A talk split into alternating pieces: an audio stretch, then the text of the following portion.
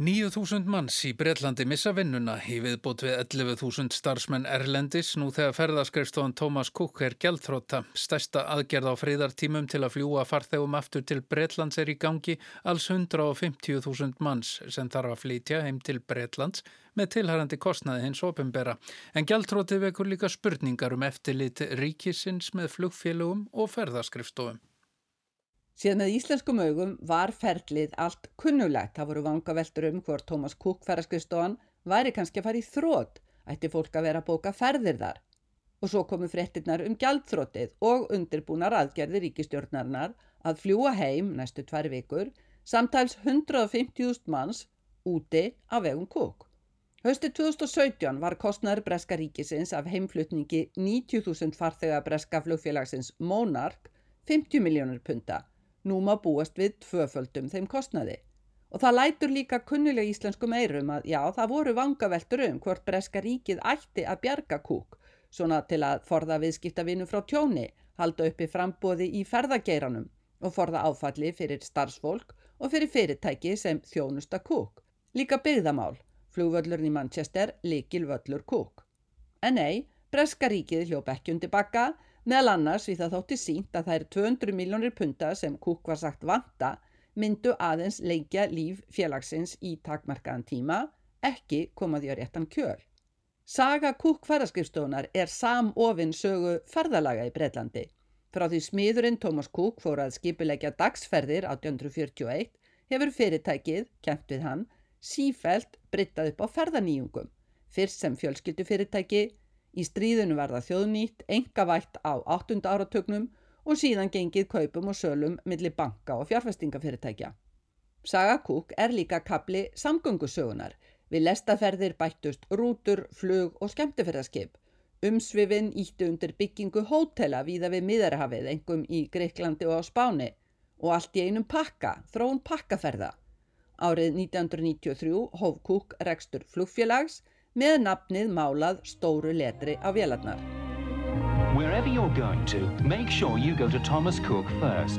Sjómarsauglýsingarnar og auglýsingabæklingar Cooks eru nánast liður í þjóðarvitund bretta. Þetta að ilja sér á veturna með bæklingin til að skipulegja pakkaferð sumarsins.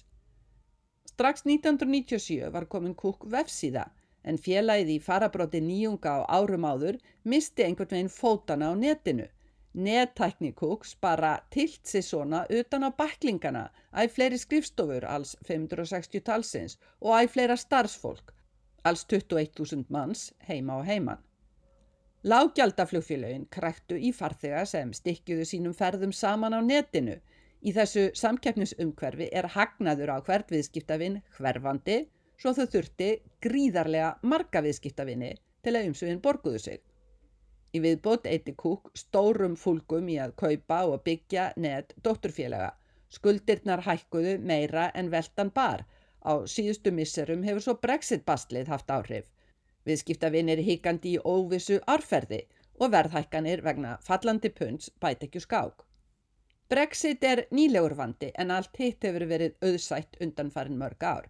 Þegar árið 2011 voru skuldirnar sligandi en þá rétt tókst að bjarga kúk fyrir horn. Nú í mars var skrifstofum lokað með tilherandi uppsögnum í hægraðingaskinni og aukin áhersla á vefin.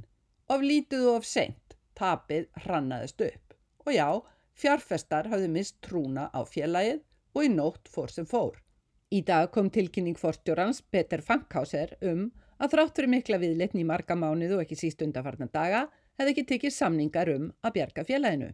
Despite huge efforts over a number of months and further intense negotiations in recent days, we have not been able to secure a deal to save our business. Nú þegar Kúk er komið í þrótt vekja fréttir breskra fjölmiðla um ofurlaun forstjórans mikla reyði samsvarar 1,2 miljardum króna undan farin þrjú ár. Viðskiptavinnir sitja uppi með óvissu og ofta tíðum tap. Þeim sem þegar eru úti er flóið heim, þeim að kostnæðarlausu og tryggt að fólk þurfi ekki að borga meir fyrir gistingu í yfirstandandi pakkaferðum. Bókaðar pakkaferðir fást endugreitar. Engin endugreisla fyrir flugbókanir einar saman, nema viðskiptavinirnir hafi eigin tryggingu. Cook var umsöga mikill ferðamiðlari, til dæmis fyrir skemmtafæraskip. Engin endugreisla þar frá Cook og hún háði hvað stendur í smáaletri sölusamningsins við þriði aðila. 150.000 manns hafa fengið óvænt áhyggjuefni í fersinni, 800.000 hugleiða hvernig farið með greittar en ófarnar ferðir og við Breska ríkinu blasa óvænt útgjöld upp á alltaf 100 miljónum punta. Ekki það þó þessar síðustu ófarir í ferðageiranum veki umræður um hvernig eigi að haga eftirliti með ferðarskristum og flugfjölugum til að forðast ofinber útgjöld af umsvifum yngagerans. Ekki síst að því fyrirtæki fer sjálfnast í þrótt upp úr þurru. Sigrun Davíðsdóttir sæði frá. Heiðabjörg Hilmisdóttir, borgarfulltrú og formaði velferðaráðs Reykjavíkur segir eðlilegt að önnur sveitarfélög taki þátt í kostnaði vegna þjónustu við heimilislaust fólk. Tæflega einn af hverjum fimm sem nýta sér gistiskíli borgarinnar er með lögheimili utan Reykjavíkur. Heiða spyr hvort það sé sangjart að kostnaðurinn lendi alfarið á útsvarsgreðendum í Reykjavík. Um 350 eru skráður utan gards eða heimilislausir í Reykjavík. Reykjavíkuborg rekur meðal annars gisti skíli við Lindargötu fyrir fólkið og einni greiðir borgin kostnað við rekstur konukots sem er rekið í samstarfi við Rauðakrossin. Í fyrra fengur rúmlega 300 að gista í þessum neyðarskílum en þar á voru 58 manns með lögheimili utan Reykjavíkur. Í byrjun þessa ásendi Reykjavíkuborg bref til allra sveitafjöla í landinu þar sem þessir óskaða viðigandi sveitarfjölu greiði gistináttagjald fyrir þá sem eru með lögheimili þar. Tíu sveitarfélög hafa hins vegar ekki svarað beðinni borgarinnar eins og kom fram í speklinum í síðustu viku. Heiðabjörg tilur eðlegt að sveitarfélög taki þátt í þessum kostnaði. Já, staðan er svo að heimilisleysu fólki hefur fjölgað og fólk sem að þarf eh, stuðning og er heimilisleyst flyttur gæðum til Reykjavíkur vegna þess að hér er þó þjónusta sem við höfum verið að auka mjög mikið undanfarið og leggja aukna áherslu á að geta veitt en um leið höfum við líka svolítið verið að kalla eftir því kannski að önnur sveitafélag koma að þessari þjónustu veitingu líka. Það eru tíu sveitafélag sem hafa enn ekki svarað Reykjavíkuborg varandi þáttöku í þessum, í þessum kostnaði. Eh, Allir það bregðast eitthvað frekar við? Já, það, við munum bregðast frekar við. Við höfum ákveðið að þeim verður sendt aftur bref og svona hafa verið mynd á þetta Uh, og ég hef óskað eftir því sem fór með velferðars líka bara fá þá gögnin inn á rásfund hvaða sveitafílu eru sem, sem eru til í að taka þátt og koma í þetta með okkur og hvaða sveitafílu það eru sem ekki eru tilbúin til þess. Og það sé þá bara eitthvað sem við getum rætt og, og ástæður fyrir því því að þetta eru þetta skilda okkar samkvæmt lögum að veita okkar íbúum þessa þjónustu. Og öll sveitafílu hljóta þurfa að taka þátt í því ég getur borgin eh, sint þessari þjónustu án þess að önnu sveitafélag komi að? Við getum að sjálfsögja gert að við erum að gera það, við erum að verja á þessu ári 1,2 miljardum í þjónustu við þennan hóp. En það kostar okkur og það er spurning hvort það er réttlátt að útsvarskriðundur í Reykjavík einir standi á baku þennan kostnað. Um, en við höfum sagt að því að okkur finnst mikilvægt að fólk sem er í þessari erfið aðstöð því það er engin heimilslaus að ganni sínu að það fólk fær þjónustu og við viljum standa vel að því en, en við hefum bæði rætta við, við e, ráþöra og önnur sveitafjölu og okkur finnst mikilvægt að þetta verði, svona, þetta verði breyðari aðkoma að málinu og að þjónustunni. Félagsmálar á þeirra skipaði seint á síðast ári stýrihóp til að fjallum vanda utangars fólks og komi með tillugu til úrbóta. Heiða segist binda mikla voni við að stjórnvöld komi meira að þessu máli. Markmið okkar væri líka fleiri sveitafjölu byðu upp á svona þjónustu því okkur finnst það hefur hverki verið ákveð að það sé hlutverkar ekki okkur borgar að veita þessa þjónustu einverðungu fyrir allt landi og það væri mjög ákjósanlegt að það væri fleiri aðilar sem að byðu neyðarskíli, e, e, smáhísi, húsnæði fyrir fólk sem er í næstlu eða ekki þrýfst venju, venjulegar aðstæður. Og ég veit að akkur eru á einhvern nátt að gera þetta líka en það vantar og, og það kemur fólki jáfnvel í ennverri stöðu að þurfa að flytja úr sínusveitafélagi til Reykjavíkur og er í rauninni kannski enn einangraðara heldur en áður uh, út af þeim hlutningi. Sæði heiða Björg Heilminsdóttir, borgarfulltrúi Hörskuldur Kári Skram talaði við hana.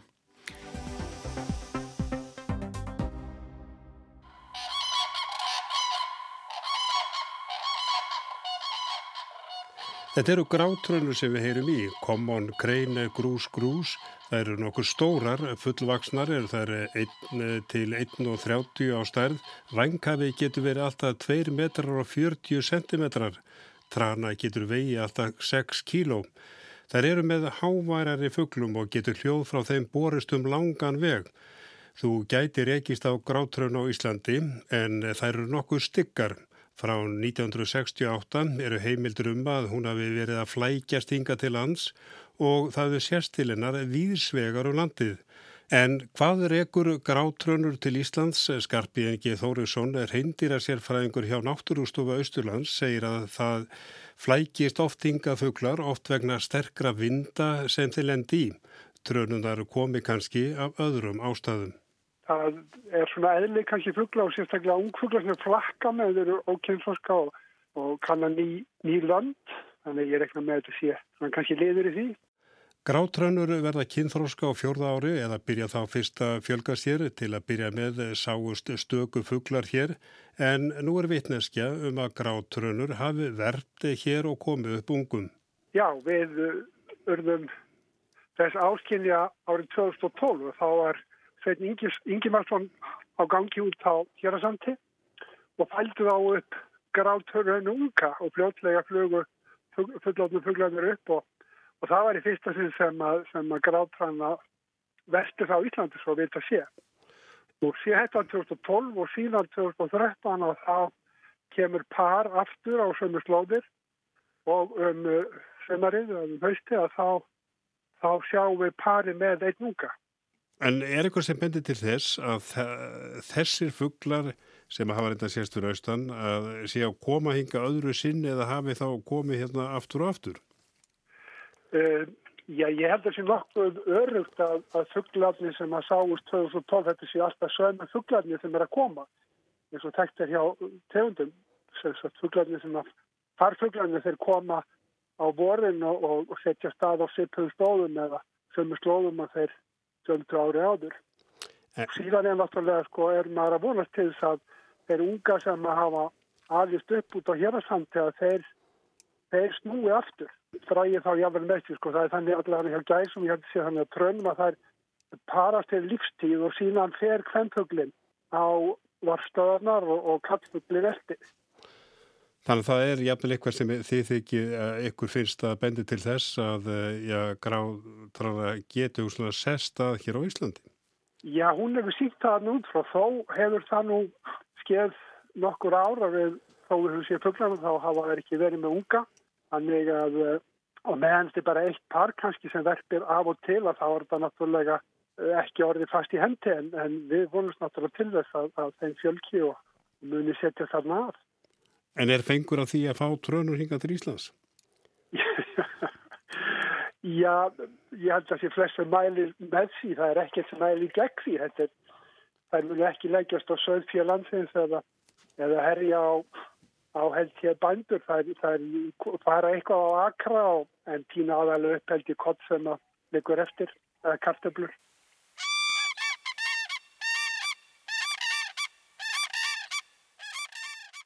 Grátrönur helga sér stórt svæði þegar það er verpa. Það eru styggar og erfilega hefur gengið að sjá til þeirra.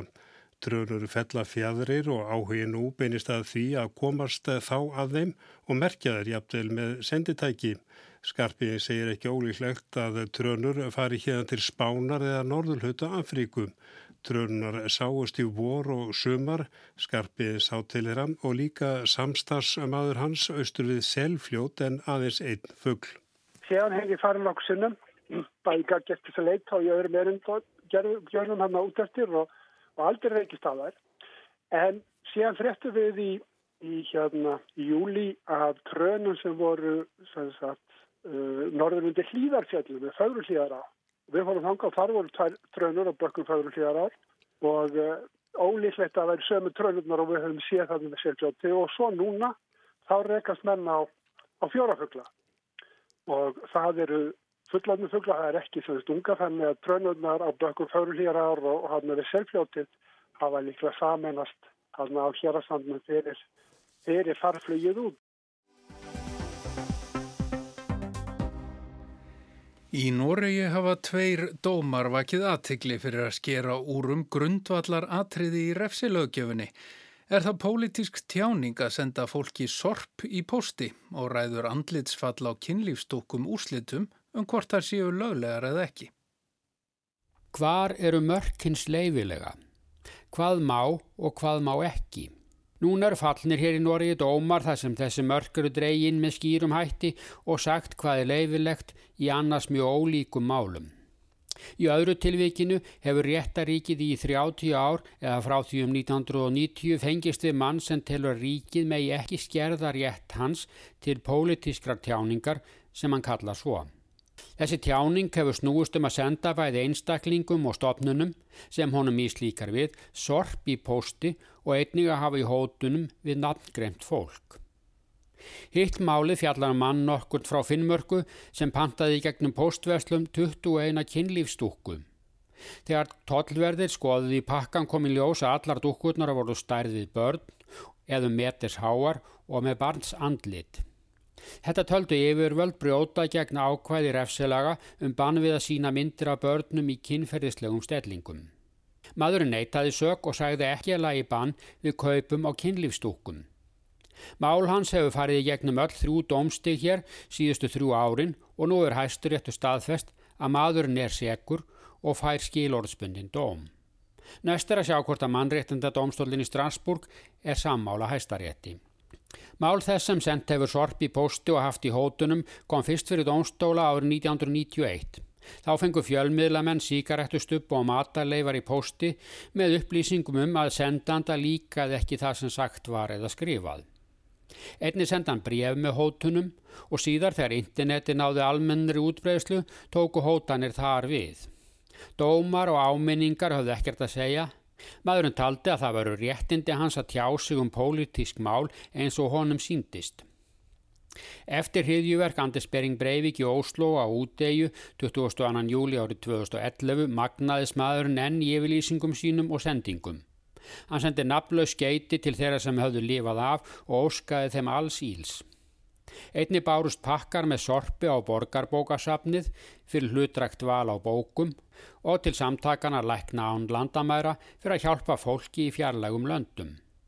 En nú er dómur fallin og hinn dæmdi verður að sitja inn í sex mánuði.